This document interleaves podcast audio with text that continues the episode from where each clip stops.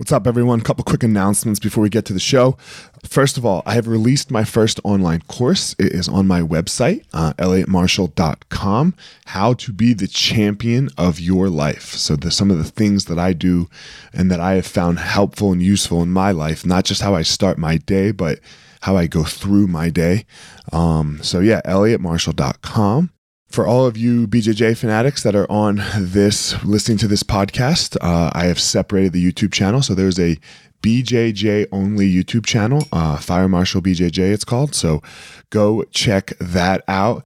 Lastly, my audiobook, my book has been released on Audible. So The Gospel of Fire, it was only on paperback, but now it is out on Audible. So audible.com, The Gospel of Fire, you will find the audiobook for you audio listeners like me. I do not enjoy reading actual books that much, but I love listening to them. So, uh, audible.com, The Gospel of Fire. So, three things the book, the YouTube, and the course. Go check them out. I'm always here. Whatever you need, hit me up. Fire Marshal 205 on Instagram. Talk to everyone soon.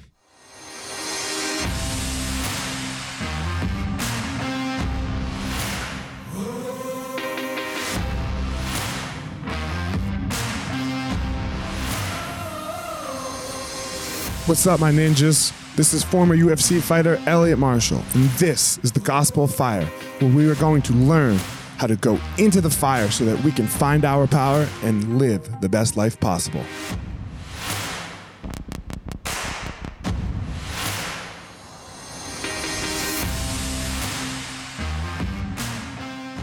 What's up, guys? This episode of the podcast is with Kelly Starrett. Um, I'm going to be honest. I didn't know who Kelly was. I knew a little bit when I approved the podcast until uh, about 20 minutes before I was doing the podcast. And then I was like, holy shit, this is a good one. This is this is a good one, and man, it did not disappoint. Um, we didn't talk about any of the stuff that he's like done, like Supple Leopard, or you know, the, some of the things that he's famous for. We talked about coaching. We talked about affecting a human life. We talked, man, it was it was again one of God. I say this so often, one of my favorite podcasts, but I, I get them so often. It was a great show. I hope you all enjoy as much as I enjoyed. So let's just get to it. Kelly Starrett.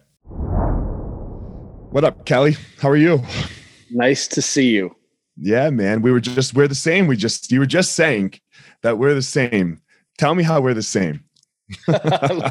well, obviously, I am the older, fatter version of the handsome, dynamic oh, version of you. I'm trying to get older and fatter, bro. well, you know, it, one of the things about this field if you coach or teach humans and are responsible mm-hmm. for the develop the psycho-emotional physical development of humans we have more in common than you could possibly imagine we're having the same conversations around sleep and stress and development and how do I take care of coaches? How do I develop mastery? How do I t- how do I run business? How do I come home and have two kids that I still have something to pour into their cups at the night? How do I stay married and not drive my uh, wife away because I'm a maniac? So it's it is interesting that the the you know I always wished I'd had a master. I was always looking for a master. You know, I mean, like yeah. where's the master? And it turns out there's not there's no such thing. If you were lucky enough to find a master early on, man, you're one in a billion. The rest of us, turns out we had to create the master club which is our friends yeah, who understand yeah. and that's that's the real mastery. That's that's the the mastery. You have to seek it. So it's so interesting that the closest friends i have are all coaches they're all teachers and we all talk about the same thing and there's no edge to our lives. There's zero edge. It's just one thing. Yeah.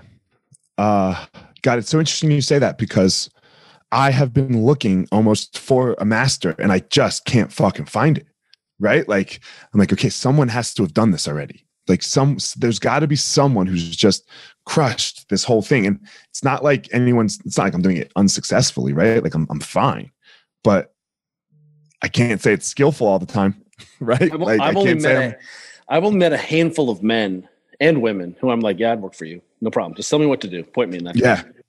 Usually they're they're presidents of the United States, they're generals, and uh, a couple times have just been, you know, like it, it's it's so rare to meet someone, a couple head coaches for football programs, NFL teams, where I'd be like, yeah, I'll come work for you, no problem. Just just tell me what you need me to do, coach. And the rest of the time, I'm like, I'm on the team. I'm not working for a head coach, and it's right. really it's rare. And I think it is interesting that you know we have set up that there is there's got to be we have we have some idea in our heads that there's got to be some person who's done this before and they'll give us the secrets right? That's that old patriarchy model. If if you know i just have the right dad then I'll, I'll have the right setup. And it turns out man you got to struggle to consciousness by yourself with your friends every day. Every day. Um, we were talking offline a second ago about the struggle that you were having right at the end of the year Whew. right? Um, and it's it's i think it's really important for people to hear because i mean look you, you wrote supple leopard you're super successful um, you super were just handsome. telling me you know super handsome yes i mean the beard the beard game is on point um, and you you were just you were just talking about the head football coaches in the NFL and the presidents. You know, offline we were talking about you know you built this chair for Obama, like and, and you've like helped Barack Obama, who uh, is just like this figure in the world. But yet Kelly, as the man, as the human, gets stuck sometimes. Uh, gets burned out sometimes. Yeah. Know? So one of the things, you know, look, e- e- everything that I have come to understand of myself has come through the language and the filter of strength conditioning and play performance sport, right? What, what however you define that, jits, right. fighting, kayaking, whatever the thing. And that's really how I've come to know myself physically, psychoemotionally, the whole thing. Um, one of the things that I have, you know, I, for example, have uh, an immense desire to train. I'm always game, always up for it. Like new skill, and I've gotten over my sense of ego to be like I'm. I'm always the worst in the room. I'm always the fattest. I'm always the weakest. I'm always the strongest. I'm always the the elephant in the room is me because I'm in this crazy rooms full of just mutants all the time. Mm-hmm. So I've gotten really good at just sucking and taking beginner's mindset over and over and over again because I get to go into these crazy places where I'm like, oh, you're the best mountain biker in the world. You're the best fighter in the world. You're the, you know, so I'm always like, well, I'm never going to be the best. So I'm, I'm always keen to play. And, and from day one, even from my genetics, have indicate that I have this huge drive, movement drive, desire to play. But what I don't have is the ability to recover like my mutant friends. So I cannot handle the volume. I need to sleep more. I just can't keep up with the amount of volume it takes to be an elite world class performer who just seem they seem like you wop off an arm and then the next morning their arm is grown back and you're like what happened? Like you know and they're like i don't know. I just ate pizza and stayed up all night and i woke up like this. And i'm like okay well we're different arm, animals right? So one of the things though is that when that bell isn't there when that klaxon and drive isn't there where i'm like waking up wondering what i'm going to do how i'm going to play what sport i'm going to do what i'm going to lift because that's how i self-medicate that's how i take care of myself that's why i'm not in jail that's why I'm not addicted to drugs. It's literally like why I'm not a criminal is because I discovered exercise early on. I mean, there are five generations of alcoholics in my family. Starrett is an Irish name.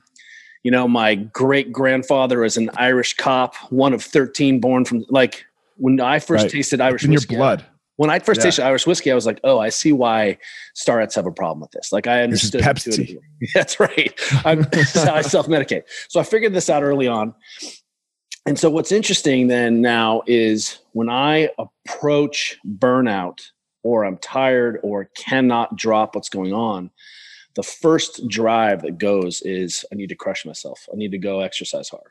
And so I've now used that as this nice thermometer of saying, you know, how, how am I managing all of these pieces? And at the end of the year last year, between the chaos of 2020, just that, having kids at home with school like everyone, closing a business of 15 years, my baby, closed it, firing our staff, writing a $110,000 check to get out of our two year lease that we still owed. I mean, just like hit after hit. I had my knee resurfaced because I had crushed the surfaces a million years ago, putting it off. And I got to December, my girls uh, were doing a bunch of skiing up in the mountains. And every day during the two week break, I'd get up, clean the house, train, read my book, and that was it. I didn't go outside. I didn't. And I just was like, man, I hope the mechanism resets. I hope it catches again because I was afraid that I wouldn't feel the fire again. And though, come on, like, of course I do. Like, of course, you know, but literally just having, trusting the plan, trusting the process, and then prioritize when I could prioritize, which is I'm going to eat as well as I can. I'm going to just sleep like a, like a dog. And then I'm just going to chill. And uh, it took me two solid weeks to feel like a human being again. That's how how you know had, I felt like I'd gone to the well. And you can go to the well. You're just going to have to pay for it. You cannot cheat your physiology. You can deal with stress. You can handle high volume of training. But on the other side of that fight, on the other side of that big work project, on the other side of that family trauma, be prepared to let the the tank fill back up. And uh, to say I uh, resonate with you on on that is uh, is it would be an understatement, I guess. Uh, 2020 was hard. You know, 2020 was very. I think it was very hard for all of us, especially in this field. You know, and what I realized was, man, I, uh, I, we, my friends and I, who we run the company together, we got in this massive fight. You know, and there I was kicking a fucking, uh, kicking. A, I was so mad, and you know, we weren't. It was over the phone. I was like, "Fuck this," and just doing shit that I don't do. Like I don't break shit. I'm not that guy, right? Like I, I get mad, but I don't like pick up a broom and hit shit. No, you know? no. you've, like, had, you've, had, a little training in managing yeah. master self, right? Mm-hmm. And then there I was doing it, and I was like, "Oh, I think I'm burnt. Mm-hmm. Like I think this has been too much. I need a minute. I need a minute." And I, you know, I, I stopped coming to the office, like this office, and and it, it's so interesting how you have to realize that I didn't realize it until no. I was like in the middle of breaking stuff yeah all your relationships your your relationship to yourself yeah. how you snap at your kids the whole mm-hmm. the whole you know the whole thing and uh i think that's really reasonable the the key for us is you know everything we worship and fetishize is go harder work outwork the person the grind is the glam and what we see is that man it is not sustainable that sort of e- fake ethos of you know 24 7 hustle. You know, I sleep four hours a night. You know I mean? I do my cheat days, then right back. Uh, there are a couple people, maybe The Rock can do that because he's an unusual human being. Once again, this mutant. But the rest of us, what's interesting is we have a lot of mechanisms to appreciate when we suck in the gym in the training studio. Like, like you can suddenly be like, oh, I just didn't have, I gassed today. I couldn't put out today. My technique was crap today. I was slow today. My poundage was off today. And then we can really quickly, as a coach, can be, well, tell me about that. When you're like, well, I'm in sleep. I got into a fight with my wife. I'm worried about my job. I, you know, I'm eating like crap. And you're like, okay, so there's one to one. But the magic of the gym, the magic of training, the magic of physical practice is to develop a set of awarenesses so that you can go back into your life and actually apply those lessons. And isn't the lessons of like get up when you've been knocked down. I'm not talking about that. I'm talking about like how do I really know when I need to step on the gas or I just need to go practice. I need to be in the dojo, I need to be in the studio, I need to be in the gym, but I don't need to smash myself. And and I don't think we're really good at, you know, having those those couple meetings. The, what I figured out is the more stressed I'm in, the more I need to sauna the more I need to sleep, the more I need to touch base with my wife and talk about our feelings. Like the basics, I have to eat more vegetables and fruits and protein. Like there's there's some things now I'm getting bad. I'm 47, and in order to keep this up, and I love the pace, I love the work, I love the coaching, I love the I love it all. This is this is I'm living my dream, but in order to keep that up, I have to do the basics freakishly well. Otherwise, I spin out and become a piece of shit and can we I couldn't again, I couldn't agree more. I want to talk about something that I've been really interested in lately that you just touched on feelings. Mm. Um, I read this book called Nonviolent Communication. Have you read it? No. It's it's an amazing book. It's all about, and I didn't think it was amazing until later, like when I was done it, and I was like starting to put it into practice, and I was like, holy shit, that was good. This is gold. And the first chapter is all about feelings right it's all about and and, and at first like you know so this is the first chapter and look uh we talked offline obviously I'm more liberal. You're a little more liberal, right? Like, so I, am okay with like the softer side of me, but I don't get all up into, oh my lord, that's a microaggression. like, like, like that doesn't resonate with me at all. Um, so this book is talking about feelings, and I'm like, oh, I might be done here in a second. you know?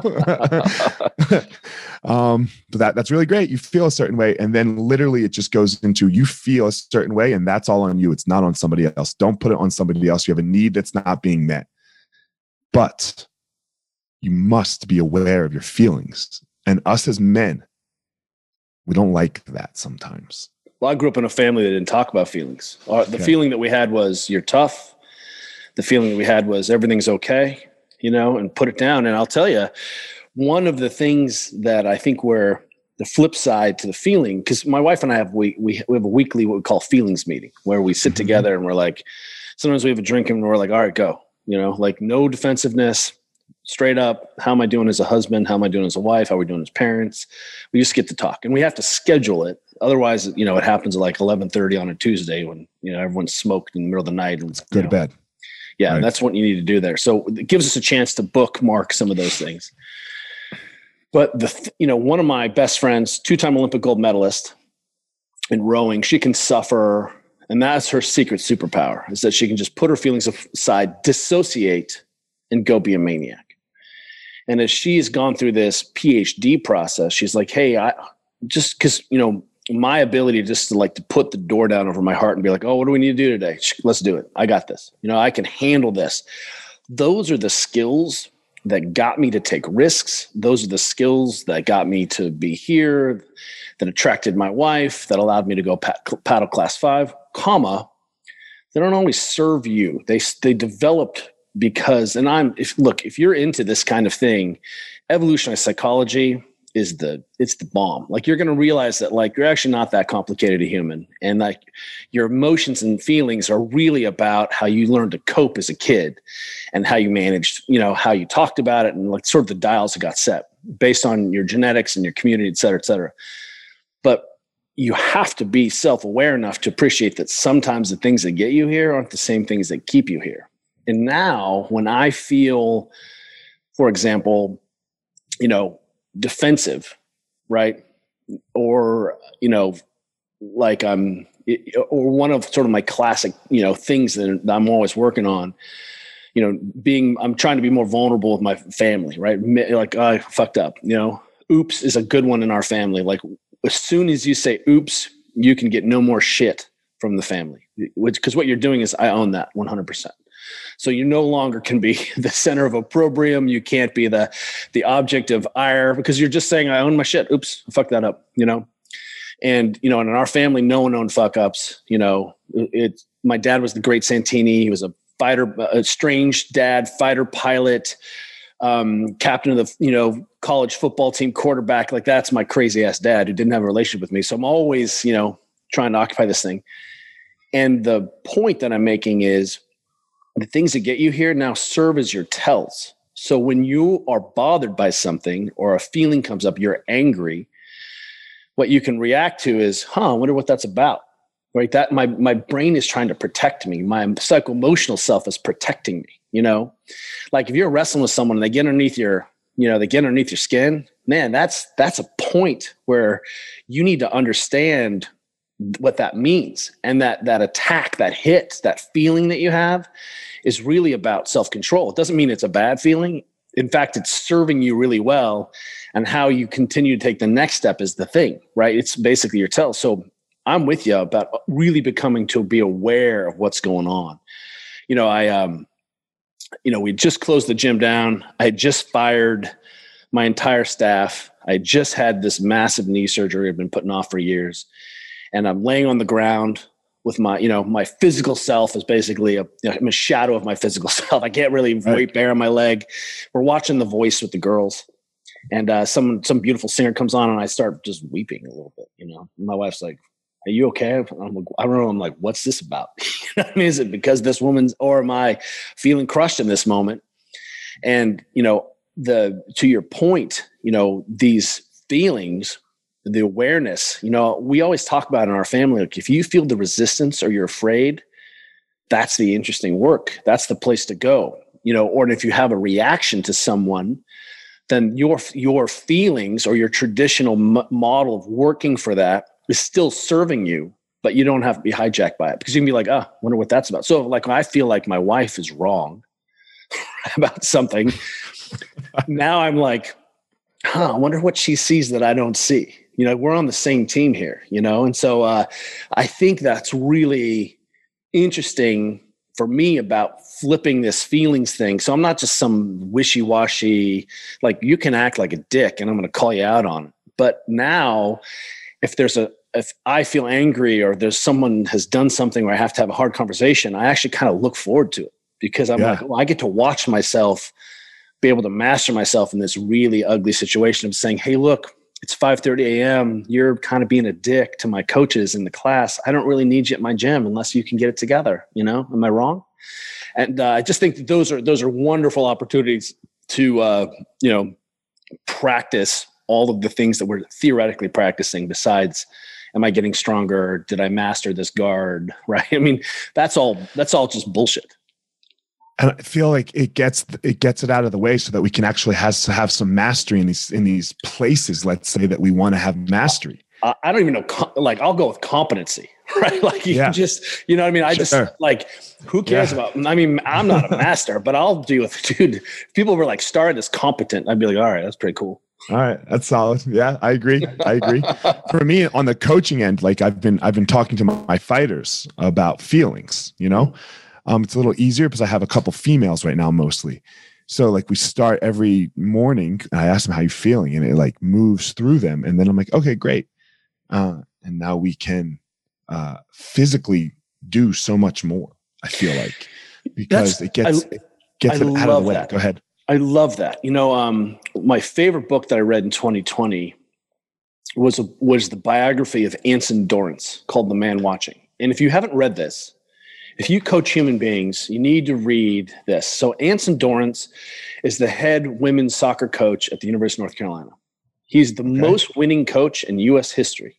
There's no one who's won more games in any other sport, any other thing. He invented basically World Cup soccer in the United States, created the women's program. Every superstar soccer program, like basically, was a player or a coach of his. Like Santa Clara came out of the UNC program. And I'm very pleased to say that I get to work with UNC.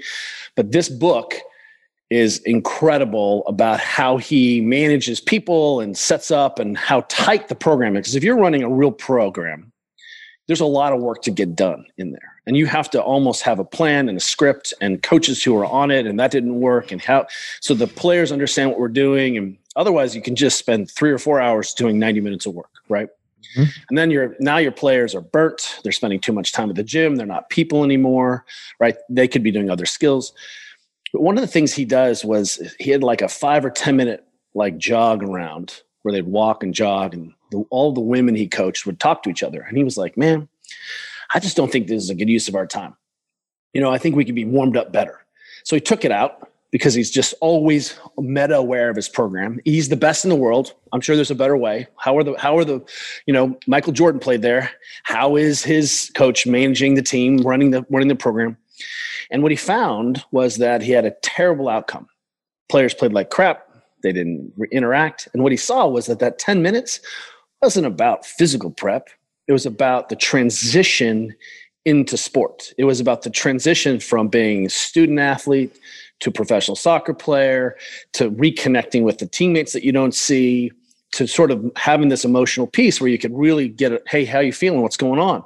Tell me about what's happening in the world. And as a formal process what he saw was that the women then were settled and for 90 minutes they could crush because that's how long his practices are 90 minutes because they are so scripted and so much work is being done and the intensity is so high. But you're absolutely right that you know we aren't thinking about ourselves as feeling beings needing to feel safe needing to feel like we belong is almost more important than you know what technique am i using whose program am i following what's the secret squirrel i mean man I, I have people who be- belong to each other and will bleed for each other and support each other. You can't beat us that's really two thirds of the magic because everyone's, I mean, the secret sauce is now, it's high. I mean, people are really competent at what we're doing. So where's the X factor there? God, it's it's so refreshing to hear because it it ha- it has been so great, and and I've just started this process. You know, um, like I was the head coach of of Elevation Fight Team. The the so I have my schools, and you know, and, and I was the head coach of the fight team, and we won Coach of the Year and one of the uh, Team of the Year, right? Like we Incredible. we in that Incredible. And, and but literally the three weeks before we won it, I quit. I quit. It's the best. You, you killed it. I, I was done. Out. I, don't, I don't care. You know, I was I was done. I was done because I was like, look, I'm not doing this the way I feel like I like to be doing this. Yeah. And I went down to two fighters. Uh, neither one of them is the champion, right? I have my couple, and I have my jujitsu athletes, and I love that. It's a little different, you know. And, and I'm like, look, I'm just going to go all in with this, and it has been. I'm. This is like I'm going to buy it on Audible like as soon as I can because I, I want more of this. So because it's it's the magic. It is where the magic is, I feel like. And it sounds like you're agreeing. Well, you know, I, I think what everyone is looking for, if you want the best out of people, um, you need to there has to be trust and buy-in and whatever words you use. Mm-hmm. But really what we're trying to do is create the greatest sense of belonging in tribe which is at the heart of what so many people are looking for. And not to get political, but right now we're seeing a group of protesters who belong to a tribe, they belong to a cause. So take out whatever the, the meaning is or whatever they're doing, the morality of it, and see it for what is it about our society that leads us to feel so alone, so isolated? and allows us to be so easily manipulated. Like one of, and I'm not saying everyone in that group is manipulated. Again, just trying to appreciate the phenomenon.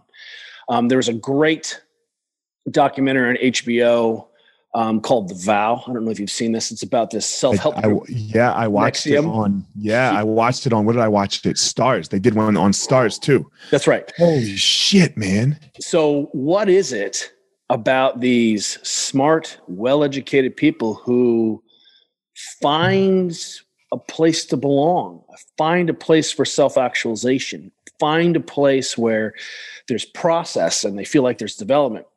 Of course, 100% being brainwashed.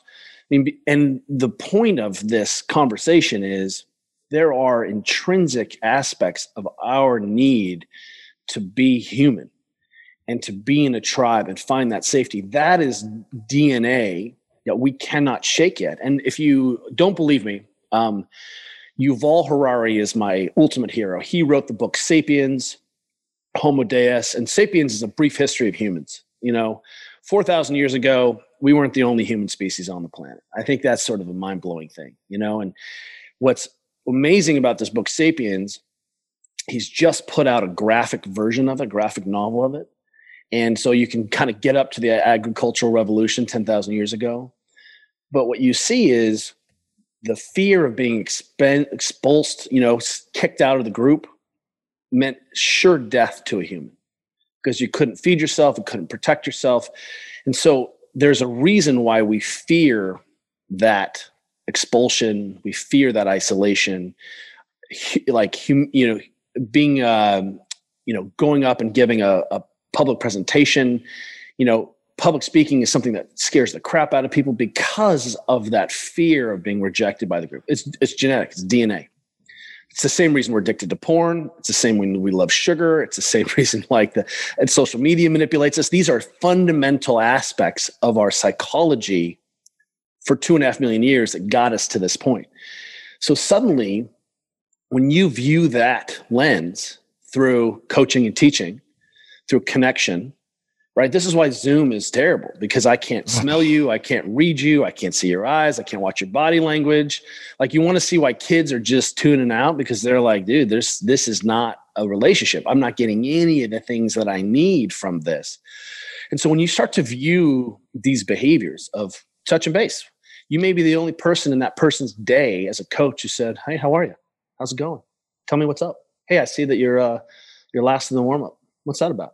You know you know it may be the only moment in that tribe and what we learned in the shutdown you know because we got closed down last february san francisco is the most restricted city you know, we're in the Presidio. We there was no we can frost the glass and have class like we just couldn't do that. We're in right. we're, we're in a government like you know enclave in San Francisco. We're shut down. And when we had people, we were able to open up outside. And when we had people bring their gear back, because we loaned all our gear out, you know, people were like, I thought this was about exercise. But it turns out this is the only place in my life that's not my work or my house and it's the only place where I have conversation. It's the only place where I can make mistakes and feel vulnerable. And I had no idea that's what this is about. And so when you suddenly look at it that way, you know, wow, it's it's pretty easy that you're the coach, but you're really not the coach. You're just the facilitator of tribe. Yeah, it's it's it's uh it's my family. Yeah, that's right. It's my family. Like my my schools are my family. That's there's, that's the right way to think about it. Yeah. It really is. And it's interesting, you know, suddenly you look at uh, the numbers. Um, you know, we're wired to have about 150 people in our tribe and family. You'll see that, you know, you get beyond that, it's hard to maintain closer interactions and social. So usually group splinter. And, uh, you know, the responsibility is ultimately teaching people to be responsible for themselves. You know, so the coach is not the is the master. You know, um, I I have the great distinct pleasure of working with the All Blacks, and um, you know what's interesting about the All Blacks is that this is a rugby team for those of you who've grown up in a cave. Um, pretty great culture. Go go watch their shake. Just go Google them on YouTube. It's amazing.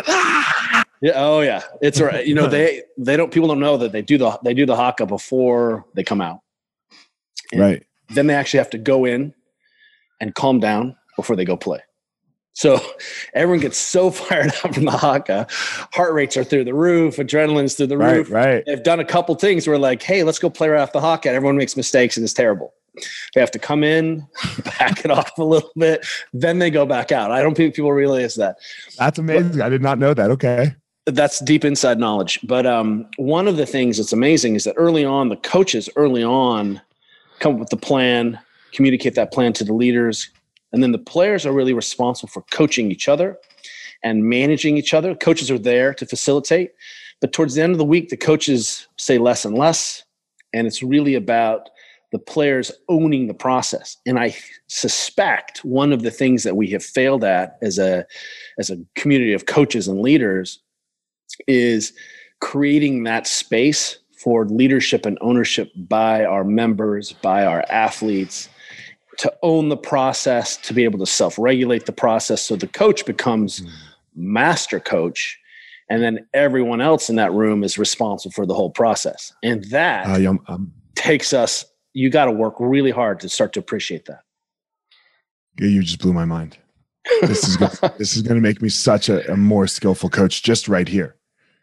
Um, in the, I mean, because I coach personal athletes, right? Like I don't coach a team. That's right. right? Everyone's got to go out there and perform for themselves. And this thing happens of uh, I, I have a skill, and my skill is to be able to assess a fight in the moment. I'm very skillful at this.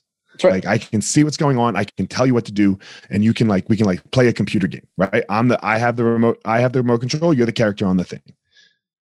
But it puts too much confidence in me right? Like I, I'm not the one in there.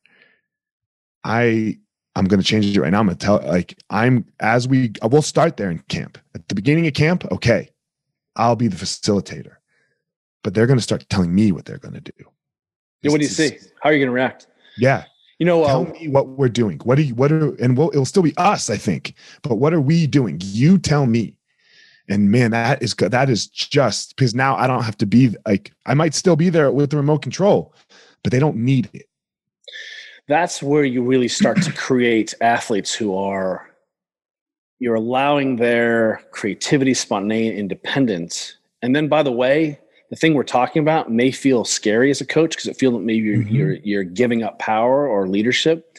But what's really happening is you, those athletes will never leave you because yeah. you facilitated their own growth. So someone makes a does an Olympic lift the first thing I don't do is walk up and be like, do this, do this, and this. I'm like, how'd that feel? You know, a person you should look at right now, if you are teaching any motor learning, motor theory, high complex movement skill, which is basically fighting is the most complex skill there is. Sure. Uh, I will put any sport where you're interacting with another thinking, calculating human being is the pinnacle of everything there is, right?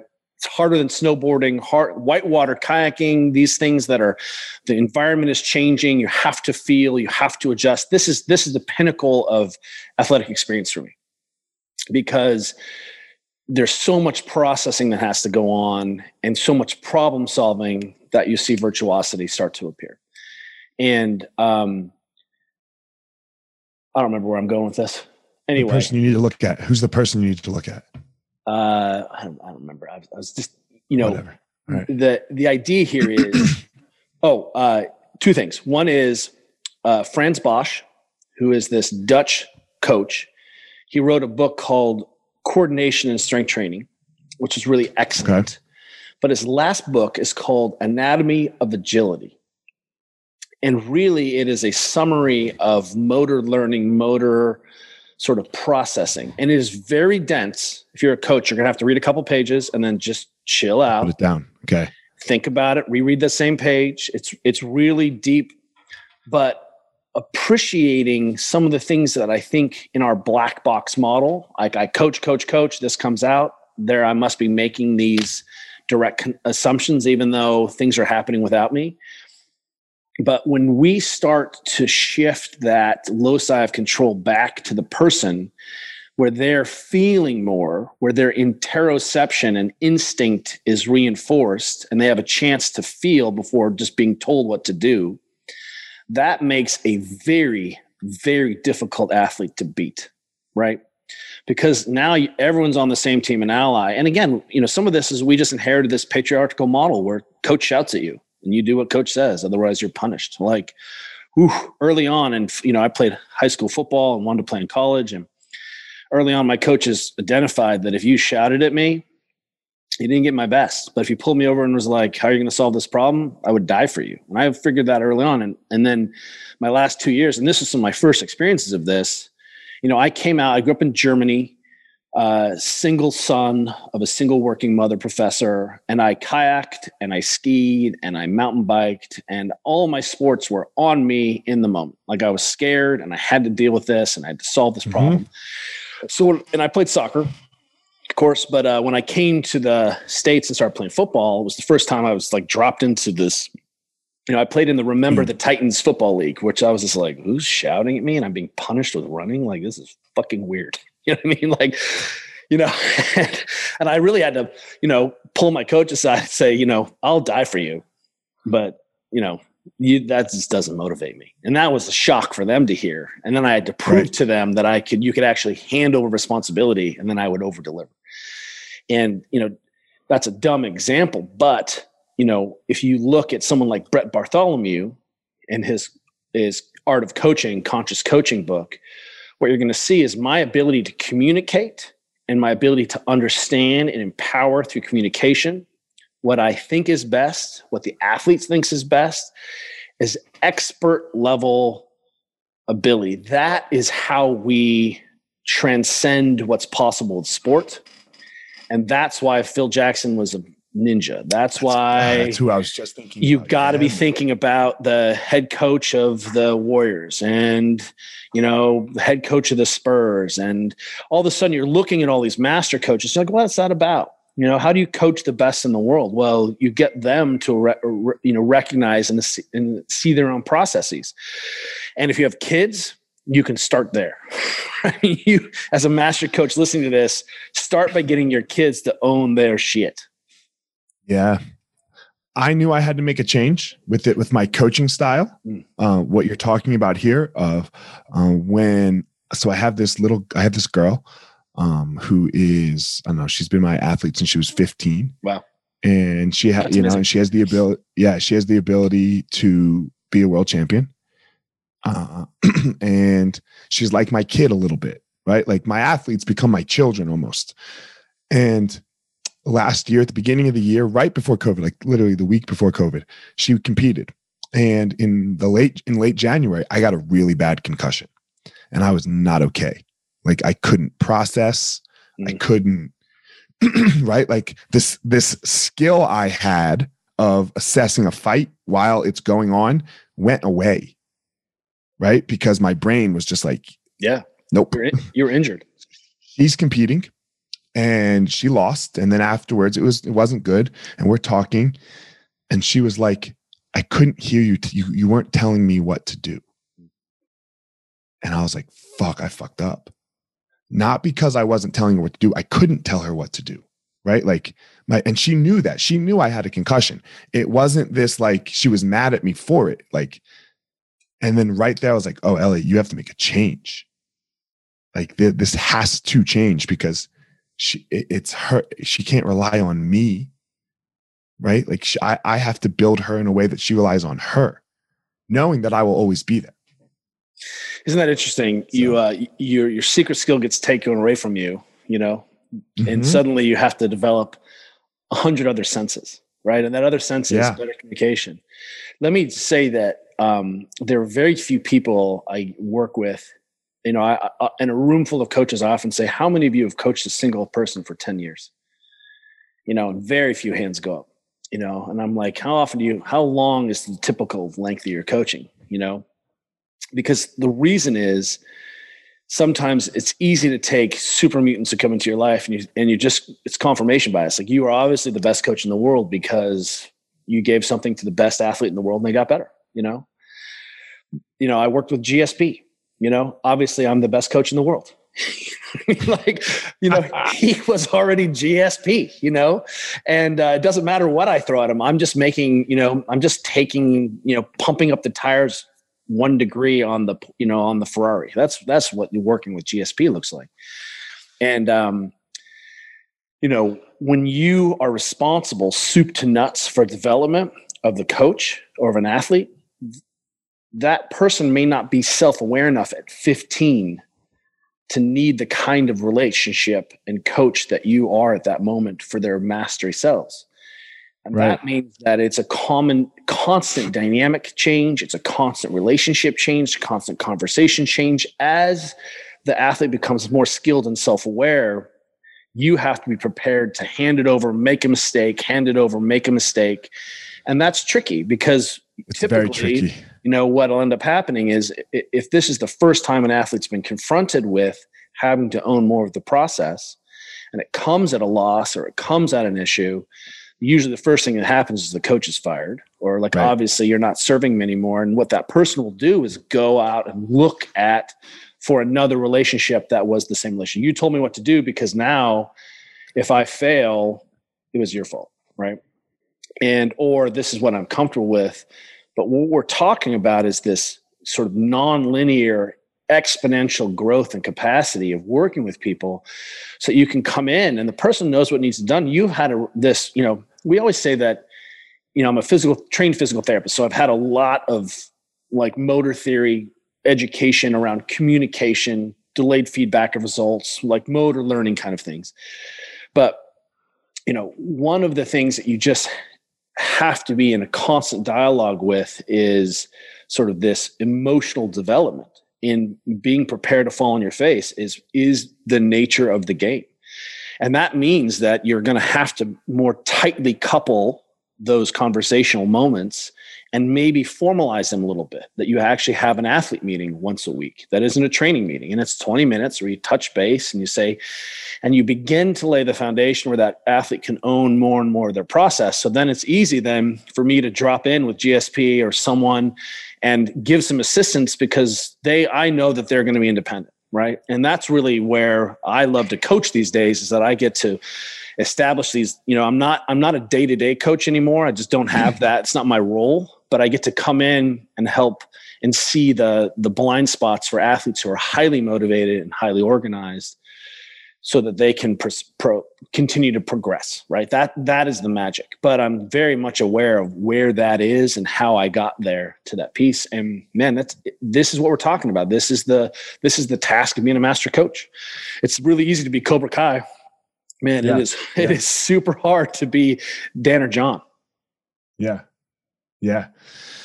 It's uh who I think it's the best coach in jiu-jitsu right now. Like that dude is he, you know, he's off the charts. Um this is and it's it, uh god it, it's just i'm i'm just nerding out because it's so what i'm into like how to be a master coach of both athletes and the human right like i'm i'm very super interested in how to uh take a human being to what it's what i call find their power right yes. I, I think everyone has a power Oh yeah. Every single one of us has something that will make us walk through the world amazingly. Uh, not money, right? Not not fame, not I mean it might it might bring all that stuff. Like GSP's brought all of that stuff, right? Like uh but there's something in all of us. Can we discover it? It's so interesting to me if we can find it and had the process of finding it. Yeah, um, you know, um, my oldest um, fights Muay Thai.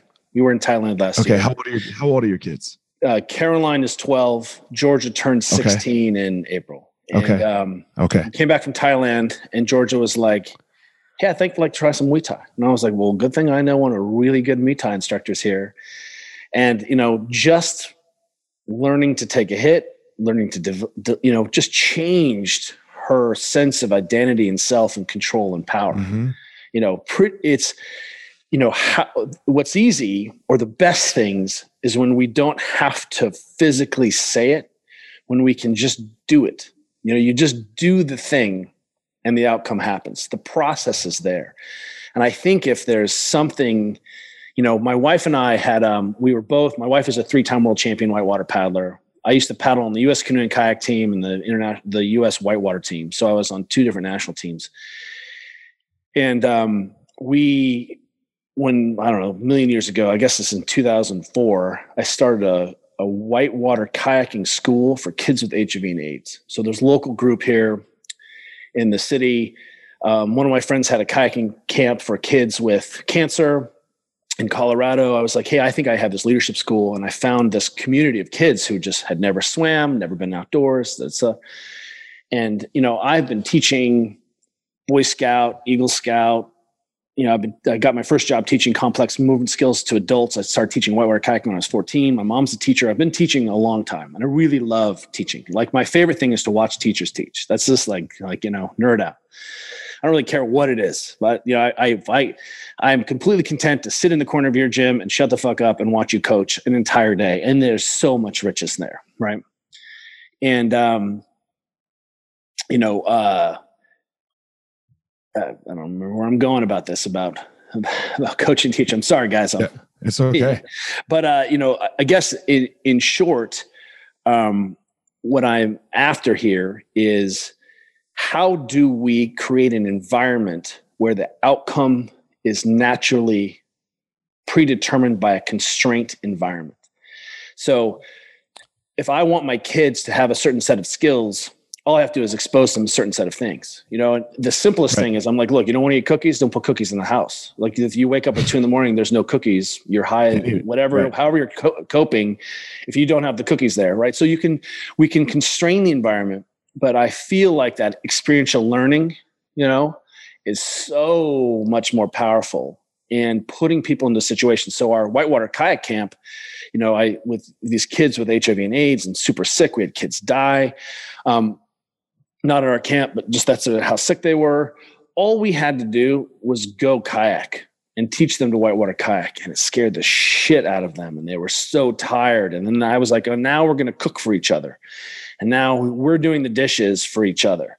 And the amount of ownership and shifts that happened just because people were part of the process. They were asked. And that's really what we want to do as much as we can if everyone knows that the first 10 minutes is for grab ass and jumping around and warming up and chit chatting, then it's a formal part of the process. It's something I don't have to manage as a coach. At the end of the session, we're all sitting around talking about what worked and didn't work, giving out of boys. We call it Star Baker. I was like, ooh, you're Star Baker today. Here's what I loved. Those things are automatically set up and codified. So I get the right behavior outcome. And if I'm not there, they happen even if I'm not there. And right. that's what we want to continue to do with the structure of our teaching is to create a structure that's fluid and dynamic enough so we have these automatic outcomes and then you can actually come in and be that ninja coach and otherwise it feels so mechanical and robotic and you can see that for someone to run a session like that where there's real development at the world's best athletes, that coach has worked her ass off to get to that moment. Two questions as we closed here. Um, you are obviously a, uh, you know, I'll say it. You don't have to say it or not. You don't have to agree or not. You are obviously a master coach. You have obviously accomplished a ton in your life. Uh, GSP, Obama. Uh, those are two of the highest achievers ever in two way different fields. Why the fuck would you come on my podcast? Because I can offer you nothing. I have nothing to offer you. Like I'm not Joe Rogan, right? I can't be like your brand is like this was like I, I hate to tell you, um, this was all for me. This was an amazing hour here. Why? Why? Why do it? Like, why say yes? Because what? What's the point? Because I'm obsessed. I'm obsessed with coaching. I'm obsessed with teaching. Yeah, but you should go get on Joe Rogan's, man. I, have been on Joe Rogan. I've done that. So why do this one? That's my question. Like this is nothing. Well, it's not about doing nothing. It's about the, so this is the heart of the conversation. It's about the reps and the practice. It's about I like to talk about this and we'll talk about it with anyone, anywhere, anytime. Like, do you ever resent working with beginners? No, I love it. I teach it every, I teach it two to three times a week. Why do you teach beginners? You're one of the best coaches in the world. Like, you have championship, but because the basics are still interesting because you get to refine because the conversations that we're having at every level is the same conversation. So what you'll see is, you know, the universal aspect of any coach that I respect and admire is that they love to coach and it doesn't matter. And you can drop them into any program, any sport. One of the things I love is um, I like to compete. I don't need, need to win. I'm not that guy who likes to win. I hate losing. I hate it. And I hate sucking. I hate that. But like you beat me fair and square. I'm like, well, that's fucking awesome. I guess I'll have to work harder. It really doesn't, doesn't, it, I am not, I'm not depressed when I lose. I'm depressed. I'm depressed when I suck and I deserve to lose, right? Because I was. Did, did, it ever fuck with you? Um, no, I think I had a big enough ego to be like, I, am better than this. I can work okay. harder. I always right. had a kind of a good growth mindset. I'm lucky enough. I think my ego protected me. You know. Got it. Okay. Um, and I and some of those things again, I had to learn. Like I've been a member of a team where I played the best I have ever played ever, and we lost. So what am I supposed to do with that? mm-hmm. well then you have to reconcile that doesn't matter sometimes you give your best and you know i mean that's like i say the sport piece is just so rich right and it could be sport or competition doesn't matter and and um you know to the extent that I get to have these conversations over and over and over again, or not over again, but I get to talk about the what makes someone good at their job or have new insight. I mean, if you and I are throwing rocks into a bucket I'm going to spend hours thinking, well, I wonder if I can become better. What's the competency? How do I skill progress that? You know, where's the feedback? You know, how would I warm up for this? Like there's just I apply the same thing. It has nothing to do with who's fucking good at throwing rocks in the bucket. It's about being good at the skill. So right. these conversations I think are so crucial because um, it's the thing. Everything else is bullshit. And and I love, I mean, coaches are my people. I think we I told you early on, either before the show or after show, like the people that I hang out with and, and identify with and are inspired are, are the coaches in the world. They're the teachers in the world. I just think that is the most interesting job you can have. I agree with you. Thanks. It's, it's so cool. I, I appreciate that. Like that. You, uh, I go, you know, like when I, I, I go through my list, you know, when, you know, because I have a team that puts people to me and, uh, and then when I came back to it, I was like, "Oh my fucking god, is this gonna like?" It was super cool for me. so I was like, well, "Fuck yeah!"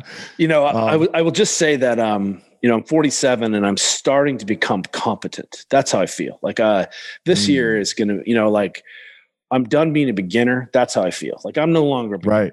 You know, like I know enough to know what I don't know, where I need to get better you know yeah. i i get better access to bigger groups who are doing more rad shit you know because of the work i get to do. You know um you know for me it's all about uh you know i love pattern recognition. You know for me that's that's all this is is pattern trying to understand trying to see. And you drop into a different group with a different set of coaches who are solving problems different ways. Man that is so rich. And and yeah what I'll say though is it's so interesting because one of the things on the internet right now is that it's hard to see who's an expert and who's not, right? And it's right. so easy if you're coming up to take a crack or a cheap shot or talk shit at someone who's been doing it for a while because it's easy to get attention. And what you'll see is that none of the masters out there do that. They talk about what they like, they talk about their program methodology, they never shit talk anyone else because there's something there. How are they solving this problem that you didn't see? Or you just have a completely different way of solving the problem and it's okay. And then you now are fluent in their language, you know, and you suddenly become Bruce Lee. Right. You know, well, that's nice. Last question. What's your superpower? What's your power? Uh, well, uh, I can smash so many cookies. You have no idea how many cookies I can smash.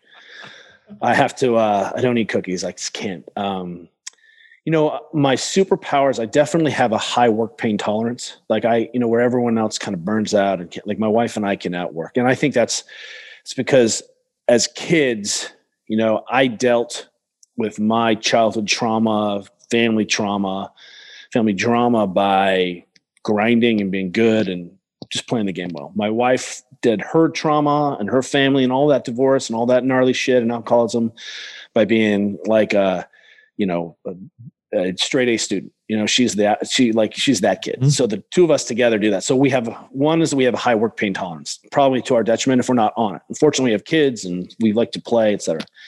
But my secret superpower is that I can drop into a room quickly understand room dynamics in a freakish way. I can see where the power goes, what the conversation looks like, what what conversation I'm having, who's pissed off, and I can understand what's essential very quickly, or see how those patterns interact. And I some of that is uh, you know the pattern recognition is uh, something I've always been good at, and just turns out coaching and movement is a nice expression of that pattern recognition. So, because I get to work in so many sports and so many disciplines and so many environments, I get access to everyone's data sets and their athletes and what's working and not working and problems and solutions. And and suddenly I'm able to synthesize that into like oh here's my understanding. And so it's not like I'm walking at the elephant touching the the trunk. I've walked around the elephant I've gone under the elephant. People have told me what's on this I've seen the pictures I've watched all the videos. And so I, I get to see the elephant in 3D and then make decisions about where the trunk is connected. So that's I'm so lucky and the longer I do this, the more I get to see and the better I get to refine my ability to see what's essential. Well, shit, man. Thanks for doing it. Um, thanks for coming on. I'm getting, I'm getting better at it. Just hang yeah. tough with me. And eventually I won't, I'll waste your time less. I'm getting better. Guys, as always, don't go out in the world and try to be Kelly. Kelly has his unique power. don't go out in the world and try to be me. I have my unique power. You always go out there and you find your power. All right, everyone, thanks for listening to this episode of The Gospel of Fire. If you enjoyed the episode, I'd love a review on iTunes or wherever you are listening to this podcast. Don't forget to follow me on social media at Fire Marshal 205. If you are a BJJ enthusiast, check out my YouTube channel. I put all kinds of instructional DVD uh, videos out on there, so go check it out. My book is still out on Amazon by the same name as the podcast, The Gospel of Fire. So if you are interested, go check out that. And most importantly, guys, go out there every day, find your power. Thanks a lot. Guys, look, I get it. I totally get it. You opened a martial arts school, and man, it's kind of crushing you. There's all this other stuff to do other than teach, right? You love teaching. You love jujitsu. You love Muay Thai. You love karate. Whatever it is you're you're teaching. And man, but there's all this other stuff. There's there's the front desk. There's there's taxes. There's curriculum. There's cleaning. There's there's problems, staffing, covering. Whew, man, it's so much. It's so much. Well, let me tell you, uh, we have started what's called Easton Online, and Easton Online is here to solve all of these problems for you. Easton Online is a digital academy for martial arts school owners and managers. Will help you establish or enhance your business with best practices. Most importantly, we're going to help you get back to what it is that you love most teaching and doing martial arts. Okay, so for more information, guys, go to easton.online. Again, that's easton.online. Add your email. You're going to get notified about the course launches. Our first course is going to be all about the first impression specialists, your front desk. and all kinds of stuff, special offers, promotions, as well as we started a podcast by the same name, Easton Online, that's going to talk about our process of how how we went from a tiny little martial arts school to what is now seven martial arts schools, seven Brazilian Jiu Jitsu Muay Thai schools, um, in a very holistic way that we believe um, kept the integrity of the art and also deals with its people very well. So again, Easton.online, enter your email, and you're gonna get all you're gonna get everything you need right there. So thanks, guys.